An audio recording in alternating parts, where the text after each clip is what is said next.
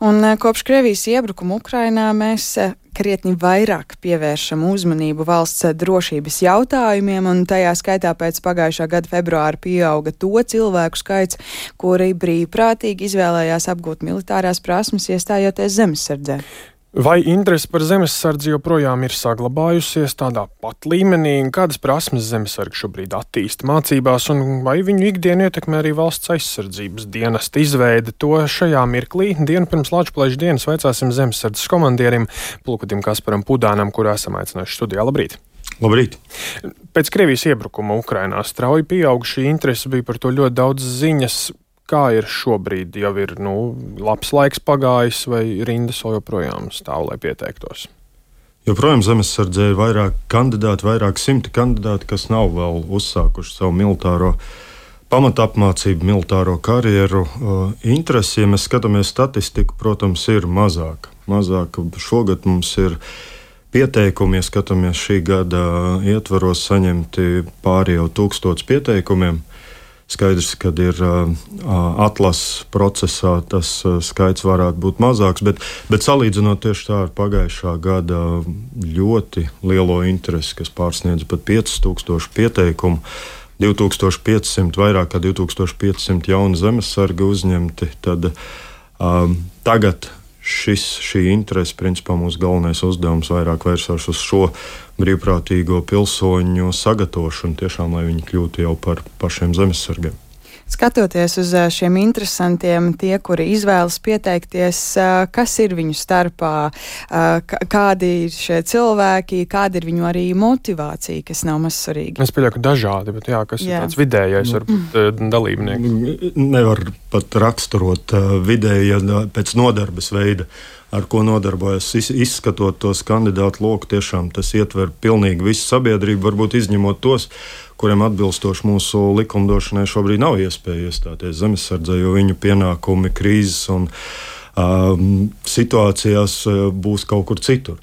Bet tā pārējie ir tiešām ļoti plaši pārstāvēti no sabiedrības. Tas, kas ir, varbūt izmainījās vairāk, protams, šī pagājušā gada laikā, ka tieši lielākā interese pieteikšanās bija šeit, Rīgā, galvaspilsētā, kur varbūt līdz tam cilvēki bija kūtrāki, vairāk savā komforta zonā un domājot, nu, tas tam viņiem nav laiks, lai sagatavotos valsts aizsardzībai. Bet man liekas, šī situācija, ko mēs pieredzējām pagājušajā gadā, īstenībā jau arī vēl 2014. gadā mudināja to, ka tomēr visiem, visiem var atrasties laiks un kaut kādu savu tiesu, savu desmito daļu no sava laika varbūt veltīt, veltīt zemesardzei. Savukārt, skatoties pēc vecumiem, tur gan, protams, mēs varam statistiku vairāk savilkt, tad mēs redzam, ka tā lielākā kategorija, kas iestājas, tomēr ir cilvēki virs 30 līdz 40 gadiem. Mans pašs skaidrojums, protams, tas, ka tajā, tas ir tas laiks, kad cilvēkā veidojas vairāk briedums. Um, izveidojušās savas vērtības, sapratni par kopējām vērtībām, par ģimeni, par valsti, par savu darbu.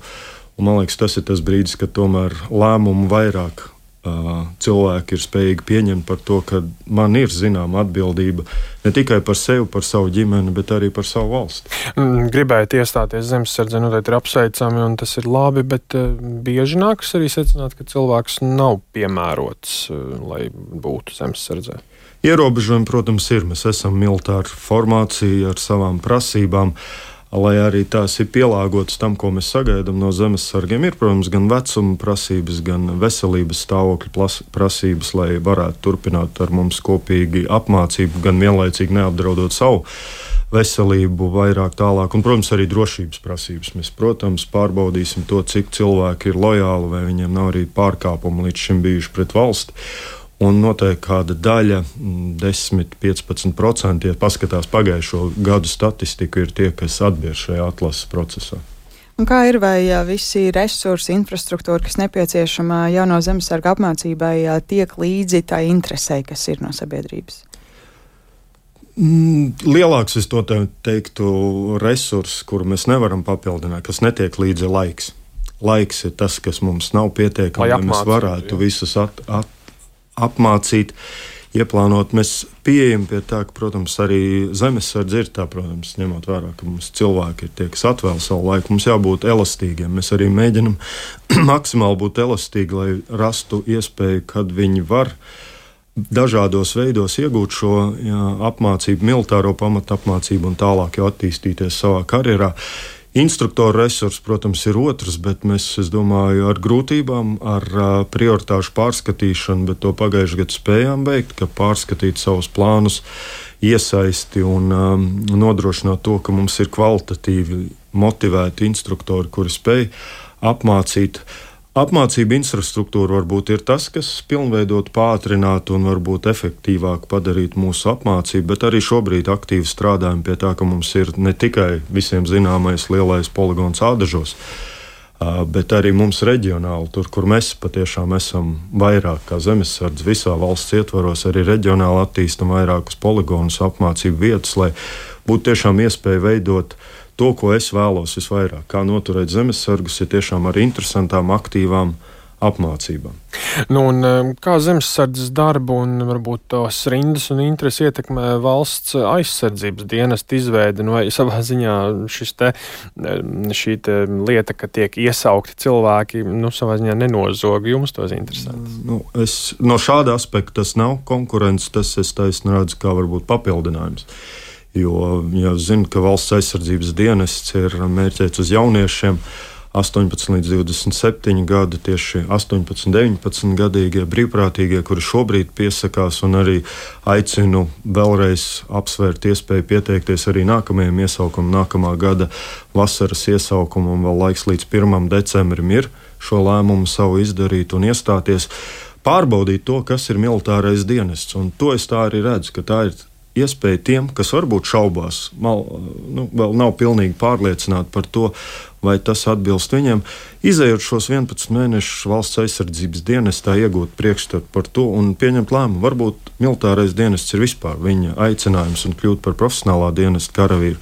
Bet es pat no zemesardzes viedokļa to skatos, ka noteikti tie, kas varbūt tomēr nepaliek pilnīgi profesionālā dienestā, sapratīs, ka viņu aicinājums varētu būt arī zemesardze un turpināt to, ko viņi būs uzsākuši, iemantojuši sapratuši turpināt ne tikai kā rezerves karavīrs, bet varbūt jau aktīvā lomā un, un būt zemesargs.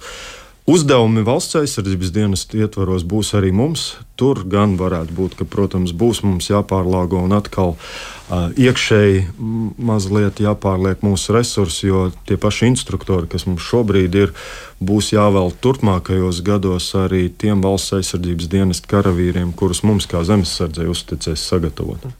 Pēdējā laikā zemesardzē notikušas arī daudz dažādas apmācības, eh, gan kopā ar nacionālajiem bruņotajiem spēkiem, gan civilajām struktūrām. Eh, kādi ir galvenie secinājumi, ka, cik esam gatavi krīzes mm. situācijām un kas vēl pilnveidojams? Jā, es. Uh... Mums ir pēdējie tiešām 5, 6 gadi, ir tas, kur mēs esam skatījuši to, ka tās nav apmācības tikai mums.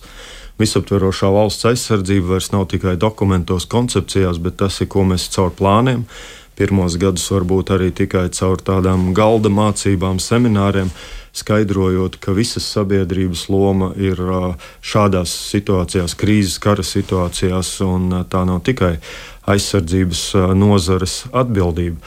Un esmu gandarīts par to, līdz kam mēs esam nonākuši. Vismaz jomā sadarbībā ar mūsu uh, tādiem ierastajiem partneriem, kas ikdienā nodrošina mūsu valsts drošību, iekšējo kārtību. Man liekas, mēs esam sasnieguši ļoti augstu vienotas izpratnes līmeni gan um, procedūrās, gan sadarbībā, gan atbildībās, bet uh, mēs jau esam lielu soli spēluši, spēruši tālāk arī ar lielāko skaitu pašvaldībām. Tātad viņu loma civilajā aizsardzībā, arī kara situācijās. Uh, ne tikai tiek izskaidrota, bet arī vingrināta.